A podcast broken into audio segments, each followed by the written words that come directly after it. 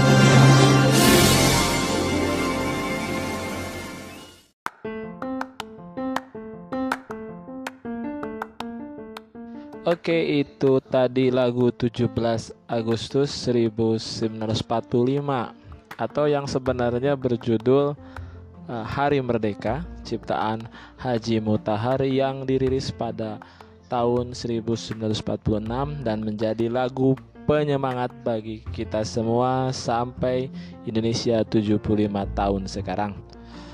Ngobrol tentang kemerdekaan Republik Indonesia tidak terlepas dari sejarah Indonesia yang dulu pernah dijajah oleh berbagai bangsa, terutama paling banyak adalah bangsa Eropa seperti Belanda, Inggris, Portugis, Spanyol, dan satu bangsa Asia yaitu negara Jepang.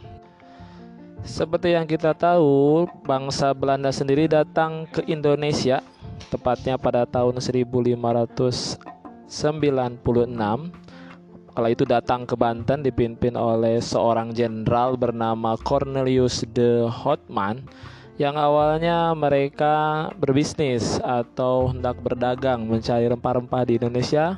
Namun kita tahu kemudian tidak hanya berbisnis atau berdagang rempah-rempah Belanda kemudian memperluas wilayahnya serta menyebarkan ajaran agamanya serta mengambil seluruh kekayaan Republik Indonesia yang kita tahu pada saat itu belum jadi negara Indonesia tapi masih berupa wilayah kepulauan yang setiap pulaunya atau setiap daerahnya di diduduki oleh sebuah kerajaan seperti di wilayah Sumatera yang kita tahu.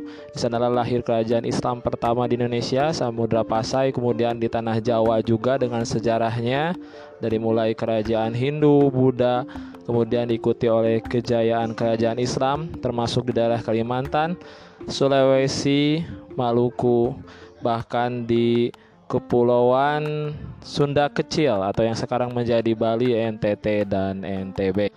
Bangsa Belanda dengan POC-nya, Verenigde Oost-Indische Compagnie atau Kongsi Dagang Hindia Belandanya yang didirikan pada tahun 1602 kemudian mengalami berbagai perubahan, pergantian gubernur POC dan lain-lainnya sampai kemudian pada akhirnya Belanda yang menjajah negara kita menyerah kepada Jepang pada tanggal 8 Maret 1942. Kala itu Gubernur Belanda Van Starkenburg agak susah juga ya menyebutkannya dengan Jenderal Terpurten melakukan uh, perundingan dengan Jepang di bawah komando Imamura, seorang jenderal Jepang. Perundingan tersebut dilaksanakan di Kalijati, Subang, Jawa Barat momen itu menjadi pertanda Belanda menyerah kepada Jepang dan pada saat itu kawasan Nusantara pada saat itu yaitu yang sekarang menjadi Indonesia di bawah pendudukan Jepang. Jadi terhitung tiga setengah abad ya, seperti yang kita tahu bangsa Eropa menjajah kita, dilanjut oleh Jepang di tahun 42 dan berakhir di tahun 45. Berarti Jepang hanya tiga setengah tahun saja. Namun seperti yang tercatat dalam sejarah sebelum kedatangan Jepang, sebetulnya bangsa Indonesia pada masa penjajahan Belanda sudah mulai belajar, banyak penggali ilmu bahkan tidak tanggung sampai ke luar negeri sana, ke Eropa, ke daerah Asia Barat seperti wilayah Arab dan lain-lainnya. Kemudian akhirnya dari sana lahirlah banyak tokoh nasional dengan kemampuan ilmu yang sangat mumpuni. Tokoh-tokoh besar seperti yang kita tahu, tokoh-tokoh sekarang yang tercatat menjadi pahlawan nasional. Hal tersebut dibuktikan pada tahun 1928 ada peristiwa luar biasa tepatnya tanggal 28 Oktober yaitu deklarasi Sumpah Pemuda. Momentum berkumpulnya para pemuda yang kemudian mencatat sumpahnya yang kita tahu isinya tentang mengaku tumpah darah satu tanah air Indonesia berbangsa satu Indonesia berbahasa bahasa persatuan Indonesia serta tidak hanya itu untuk pertama kali diperdengarkan lagu Indonesia Raya ciptaan Wage Rudolf Supratman dan sampai sekarang menjadi lagu kebangsaan kita semua. Setelah yang satu ini masih dilanjut dengan detik-detik menjelang proklamasi atau kemerdekaan. So terus stay tune, dengerin terus ngobrol-ngobrol uh, kita kali ini.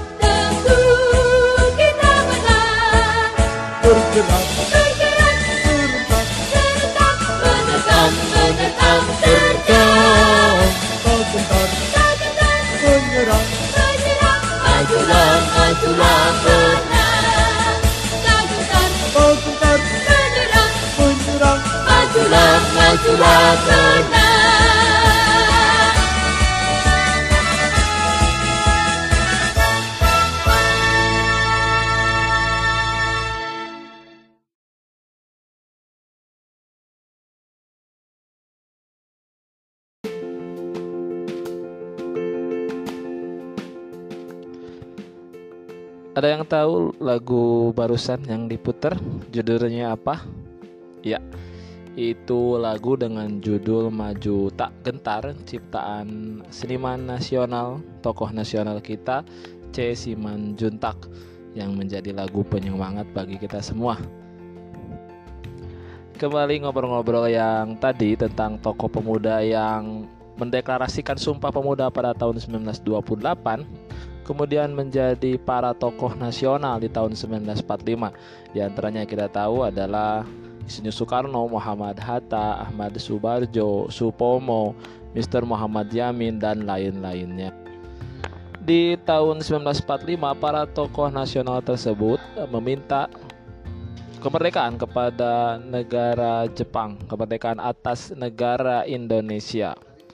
Kemudian setelah itu Jepang mendirikan BPU PKI dengan janji untuk memberikan kemerdekaan Indonesia.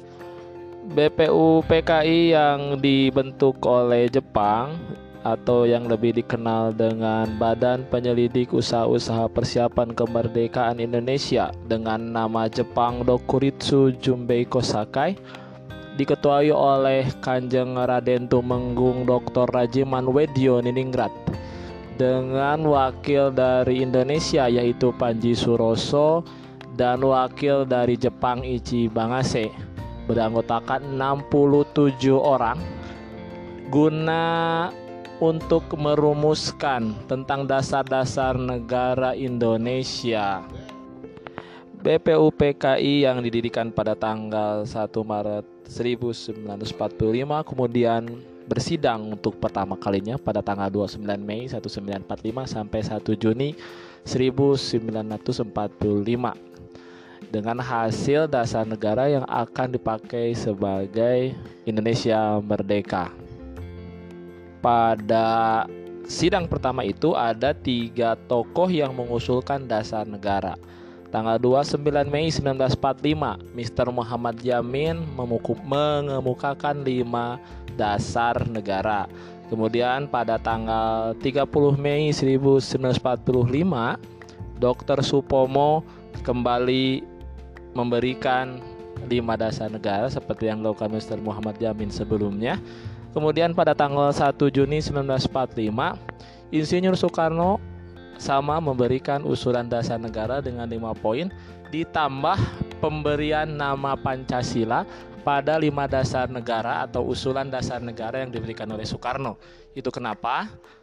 Tanggal 1 Juni 1945 atau tanggal 1 Juninya menjadi acuan lahir Pancasila sehingga sampai sekarang e, diperingati sebagai hari lahir Pancasila.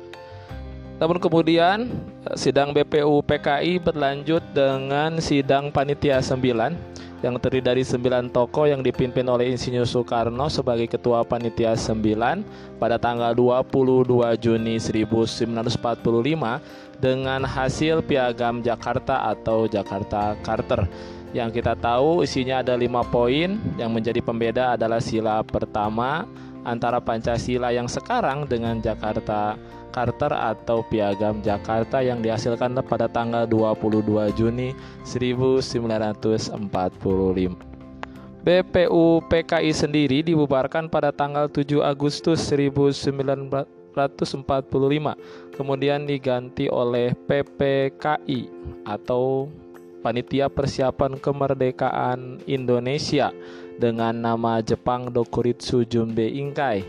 PPKI sendiri diketuai oleh Insinyur Soekarno. Jadi tanggal 7 Agustus 1945 ada momentum pembubaran BPU PKI juga ada momentum berdirinya PPKI sebagai lanjutan dari BPU PKI di tengah pembubaran BPUPKI dan PPKI menurut catatan sejarah 6 Agustus dan 9 Agustus Jepang menerima serangan yang luar biasa dari tentara sekutu karena pada saat tahun 1945 tersebut Jepang terlibat perang Asia Timur yaitu perang antara Jepang dengan negara-negara sekutu.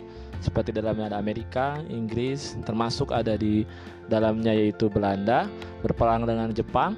Pada 6 dan 9 Agustus kota Hiroshima tanggal 6 Agustusnya dan kota Nagasaki pada 9 Agustus 1945 dibom atom.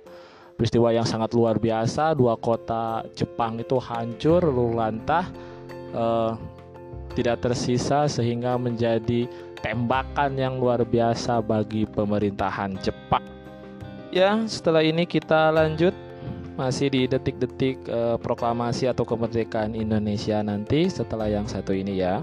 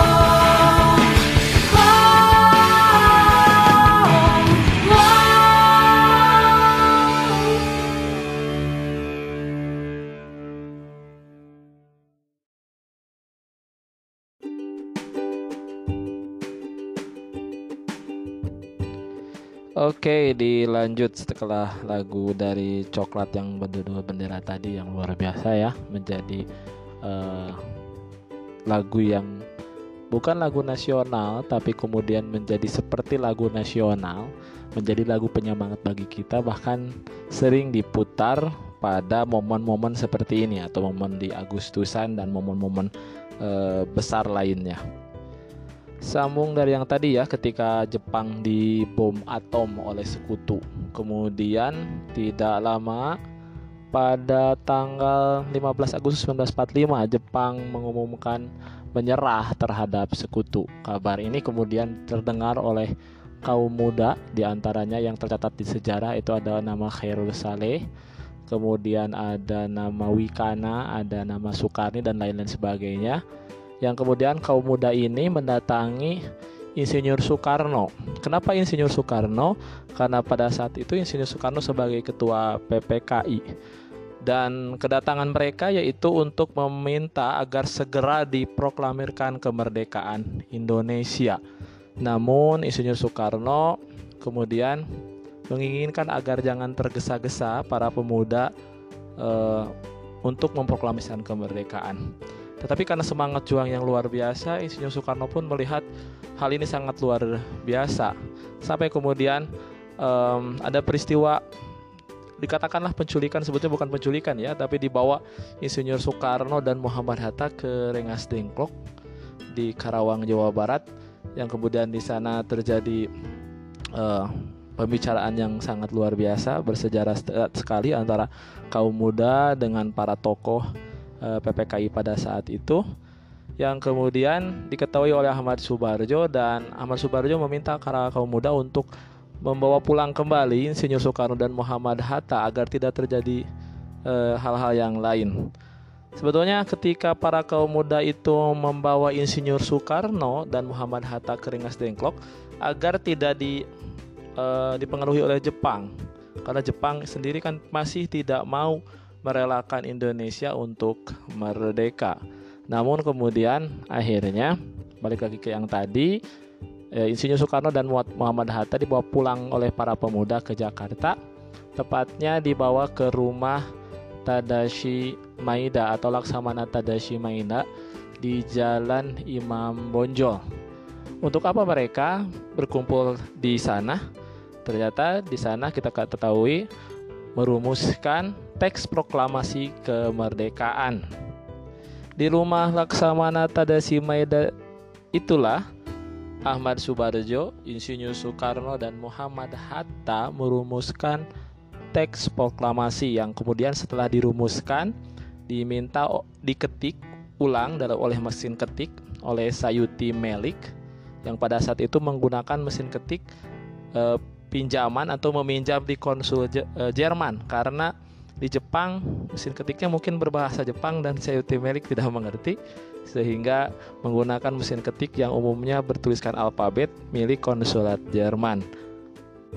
E, di tengah penyusunan teks proklamasi dan pengetikan teks proklamasi sendiri pada malam harinya, istri dari Insinyur Soekarno yaitu Ibu Patmawati menjahit bendera merah putih sebagai bendera negara Republik Indonesia.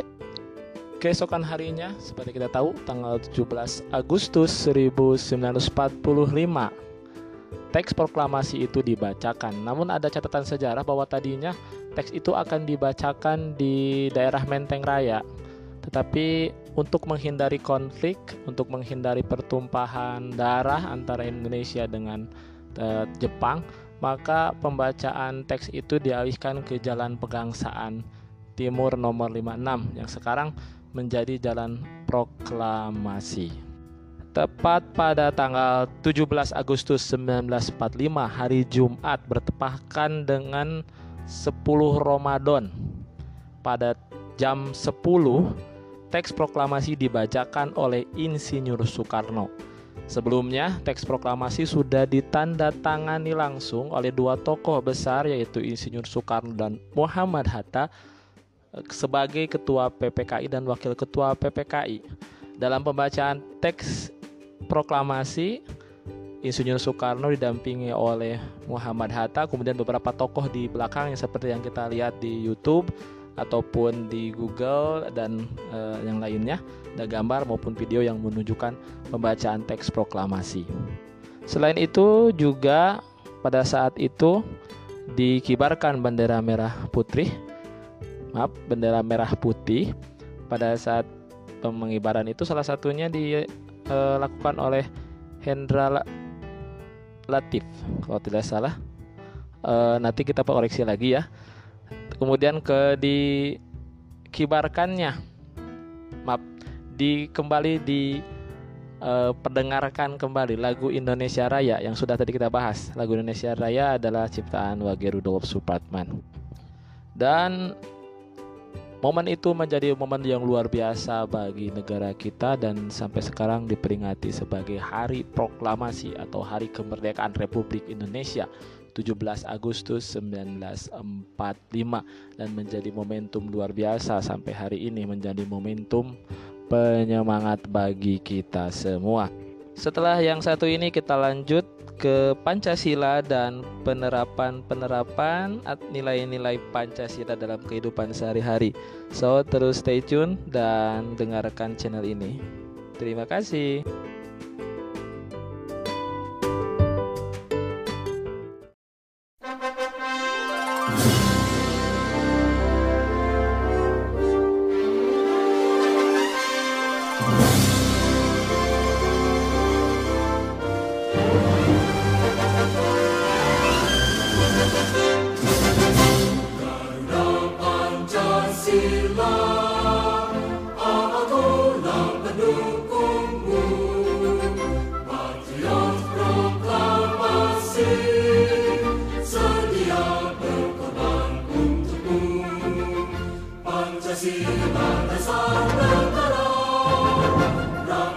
you.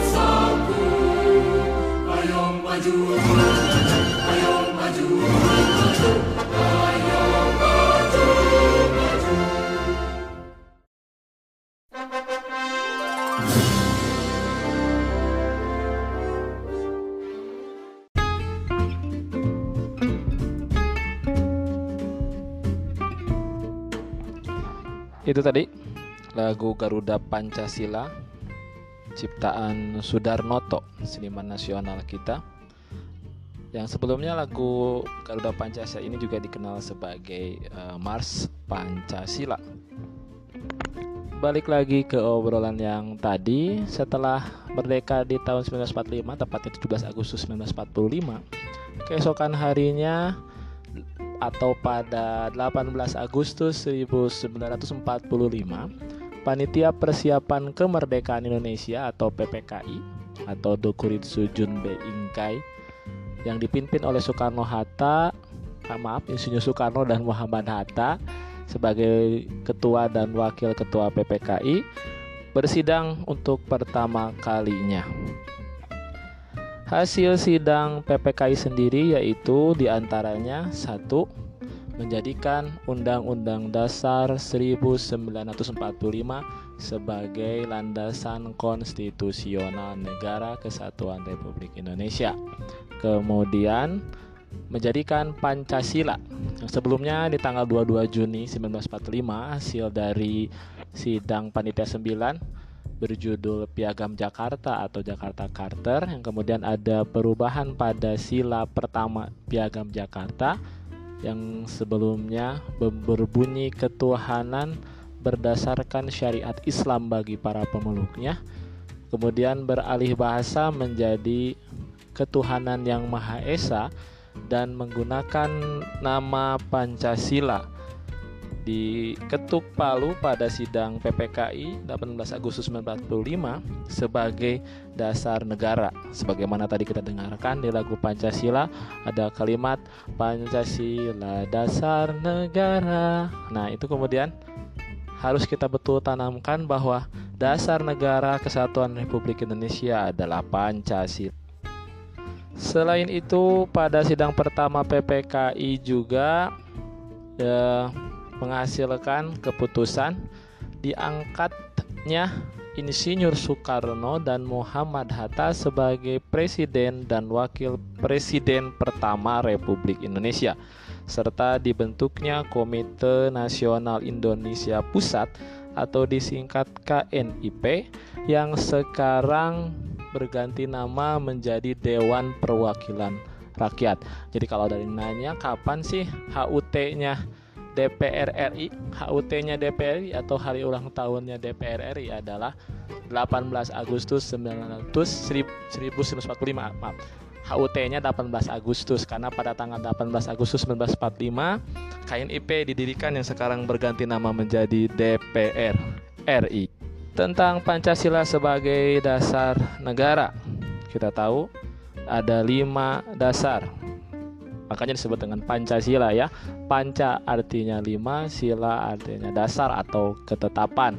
Dengan poin-poin yang sering kita dengarkan, dengan poin-poin yang sering kita baca pada saat upacara di hari Senin, upacara sekolah di hari Senin, atau di uh, upacara-upacara resmi negara atau kemudian di upacara kemerdekaan Republik Indonesia juga sering dibacakan tentang Garuda atau maaf Eh, Pancasila butir-butir Pancasila. Pancasila dengan lambang burung Garuda yang memiliki perisai dengan lambang-lambang lima sila di antaranya yaitu e, sila pertama dengan simbol lambangnya bintang kemudian ada sila kedua. Ada yang tahu sila kedua lambangnya apa? Betul Lambang sila kedua adalah atau simbol sila kedua adalah rantai. Kemudian simbol sila ketiga yaitu pohon beringin, simbol sila keempat kepala banteng.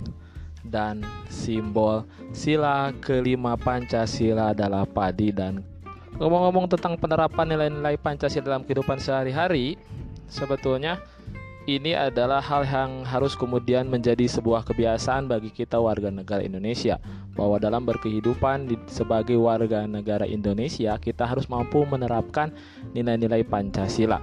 Contoh, ketika kita menggunakan batik yang merupakan salah satu karya budaya bangsa Indonesia yang bahkan dikagumi oleh e, internasional dan kita dengan bangga menggunakan batik. Sama dengan bangga menggunakan produk Indonesia berarti sama dengan menghargai budaya bangsa Indonesia kita menjaga persatuan kesatuan Indonesia berarti sudah menerapkan nilai-nilai Pancasila dalam kehidupan sehari-hari. Hal ini adalah merupakan penerapan sila ketiga Pancasila Menghargai dan bangga dengan hasil karya bangsa sendiri adalah salah satu sikap yang mencerminkan nilai-nilai Pancasila. Karena Pancasila merupakan pedoman hidup warga negara Indonesia. Jika pedoman hidup ini dijalankan dengan baik, maka kehidupan kita akan damai dan sejahtera. Namun sangat disayangkan ya, masih banyak warga masyarakat yang belum menjadikan nilai-nilai pada sila Pancasila sebagai pedoman hidup yang akibatnya terkadang masih tampak ketidakharmonisan di dalam kehidupan masyarakat. Bangsa Indonesia yang memiliki keragaman suku bangsa, agama dan budaya yang sudah ada sejak sebelum merdeka sebagai bangsa yang berkeragaman yang sangat tinggi, bangsa yang majemuk, perlu ada pedoman perilaku bagi masyarakat agar tercipta kehidupan yang damai dan sejahtera. Pedoman, sikap, dan perilaku bangsa Indonesia tertuang dalam butir-butir Pancasila yang contoh-contohnya sudah kita lihat dalam kehidupan berbangsa dan bernegara saat ini. Selanjutnya masih ngomongin tentang Pancasila dan penerapan nilai-nilai dalam Pancasila. Yang nanti kita akan ulas ya beberapa sila di antaranya dua sila dulu yaitu sila pertama yang sila kedua. So stay tune terus dengerin setelah yang satu ini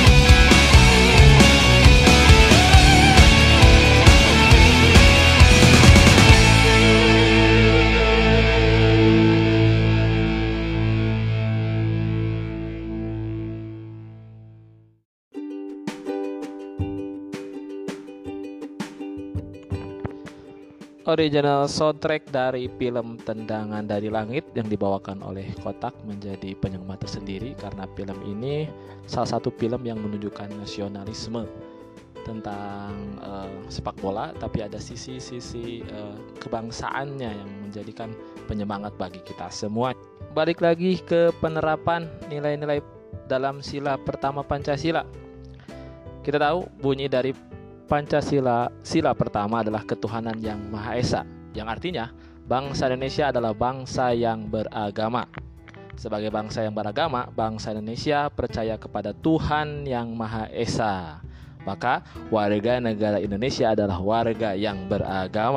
Ada enam kepercayaan yang dilindungi menurut hukum dan undang-undang di negara Indonesia yaitu Islam, Protestan, Katolik, Hindu, Buddha, dan Konghucu. Tentunya eh, itu semua adalah beragamannya Indonesia.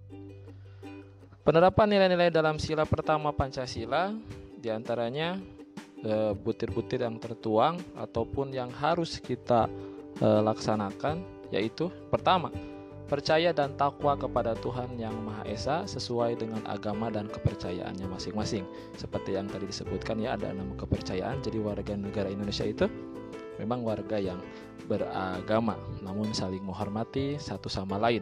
Itu yang poin yang kedua, yaitu saling menghormati antar pemeluk agama dan kepercayaannya.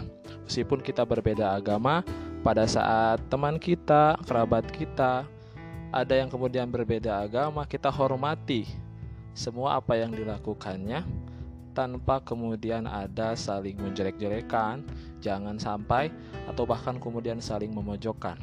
Justru poin ketiganya, kita harus saling bekerja sama antar umat beragama.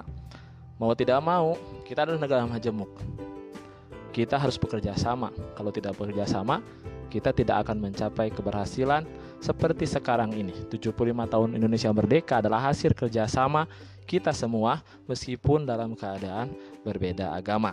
Dan yang paling pokok, poin yang keempat, yaitu saling menghormati kebebasan beragama. Diatur dalam undang-undang, kita tidak boleh kemudian memaksakan kepada orang lain, bahkan memaksakan e, kebebasan untuk beragama karena itu diatur oleh undang-undang. Meskipun letaknya berdekatan nih seperti gereja katedral Jakarta dengan Masjid Istiqlal, kita tahu di Jakarta berdekatan. Tapi satu sama lain saling menghormati. Itulah cermin penerapan nilai-nilai dalam Pancasila dalam kehidupan sehari-hari sila pertama. Kemudian penerapan nilai-nilai dalam sila kedua Pancasila sila kedua Pancasila dengan simbol yaitu rantai dengan bunyi kemanusiaan yang adil dan beradab. Sila kedua Pancasila menitik beratkan pada sikap kemanusiaan. Beberapa hal sikap yang tertuang dalam sila kedua Pancasila sebagai berikut. Satu di antaranya sikap mengakui persamaan hak dan kewajiban setiap warga negara seperti masalah pendidikan. Pemerintah kita menyediakan semua fasilitas untuk kebutuhan pendidikan. Pendidikan diberikan wajib kepada seluruh anak di Indonesia tanpa adanya pembedaan status sosial ataupun lapisan yang ada di masyarakat tanpa membedakan suku bangsa, adat, budaya, dan agama. Kemudian yang kedua, kita tanamkan gemar melakukan kegiatan kemanusiaan. Hal ini penting karena tadi bekerja sama, saling berbagi, memberikan bantuan kepada orang lain merupakan tindakan kemanusiaan. Siapa lagi yang akan men bisa menolong saudara kita sebangsa dan setanah air selain kemudian saudaranya sendiri, meskipun berbeda suku, agama, bangsa dan uh, adat istiadat, tapi jangan menyulutkan kita untuk senantiasa melakukan banyak kegiatan kemanusiaan, menolong banyak orang karena semakin banyak orang yang membantu, maka beban penderitaan orang yang mengalami musibah akan dapat teratasi sehingga negara kita akan jadi negara yang maju. Amin. Um, sikap gemar melakukan kegiatan kemanusiaan atau membantu orang lain, membantu sebangsa kita, itu akan memupuskan tindakan semena-mena atau sifat semena-mena kita kepada orang lain karena kita sifat simpati dengan menolong orang lain. Nah, ini hal ketiga yang uh, kita harus terapkan tentang penerapan nilai-nilai uh, dalam sila kedua Pancasila yaitu tidak semena-mena kepada orang lain dan terakhir dalam butir-butir penerapan nilai-nilai dalam Pancasila sila kedua ini yaitu menjunjung tinggi nilai kemanusiaan. Contohnya saat terjadi musibah, tindakan pertama yang dilakukan umumnya adalah memberikan pertolongan kepada korban, seperti mendirikan tenda-tenda darurat, dapur-dapur umum, dan tempat-tempat pengobatan juga disediakan. Tidak jarang lokasi penampungan korban bencana alam adalah gedung sekolah, tempat ibadah, bahkan rumah-rumah penduduk yang lain. Semua ini dilakukan demi rasa kemanusiaan. Jadi, kemanusiaan itu penting, mari kita tumbuhkan rasa kemanusiaan kita, membela sesama kita, khususnya warga negara Indonesia, karena itu bentuk dari penerapan nilai-nilai Pancasila, khususnya dalam sila ketiga Pancasila. Sekian dulu ngobrol-ngobrol kali ini. Kita sudahi dulu sebentar. Nanti kita akan dilanjut uh, pada segmen yang selanjutnya. Terima kasih sudah mendengarkan obrolan ini dan stay tune di channel ini ya. Tetap di ngobrol AE by Reza Ahmad Lutfi. Untuk kamu semua mudah-mudahan ada manfaatnya. Mohon maaf apabila ada salah-salah ucap, salah-salah kata dan lain sebagainya. Terutama pada ahli sejarah ini mohon maaf pada sesepuh dan lain-lainnya. Terima kasih. Uh, wassalamualaikum warahmatullahi wabarakatuh.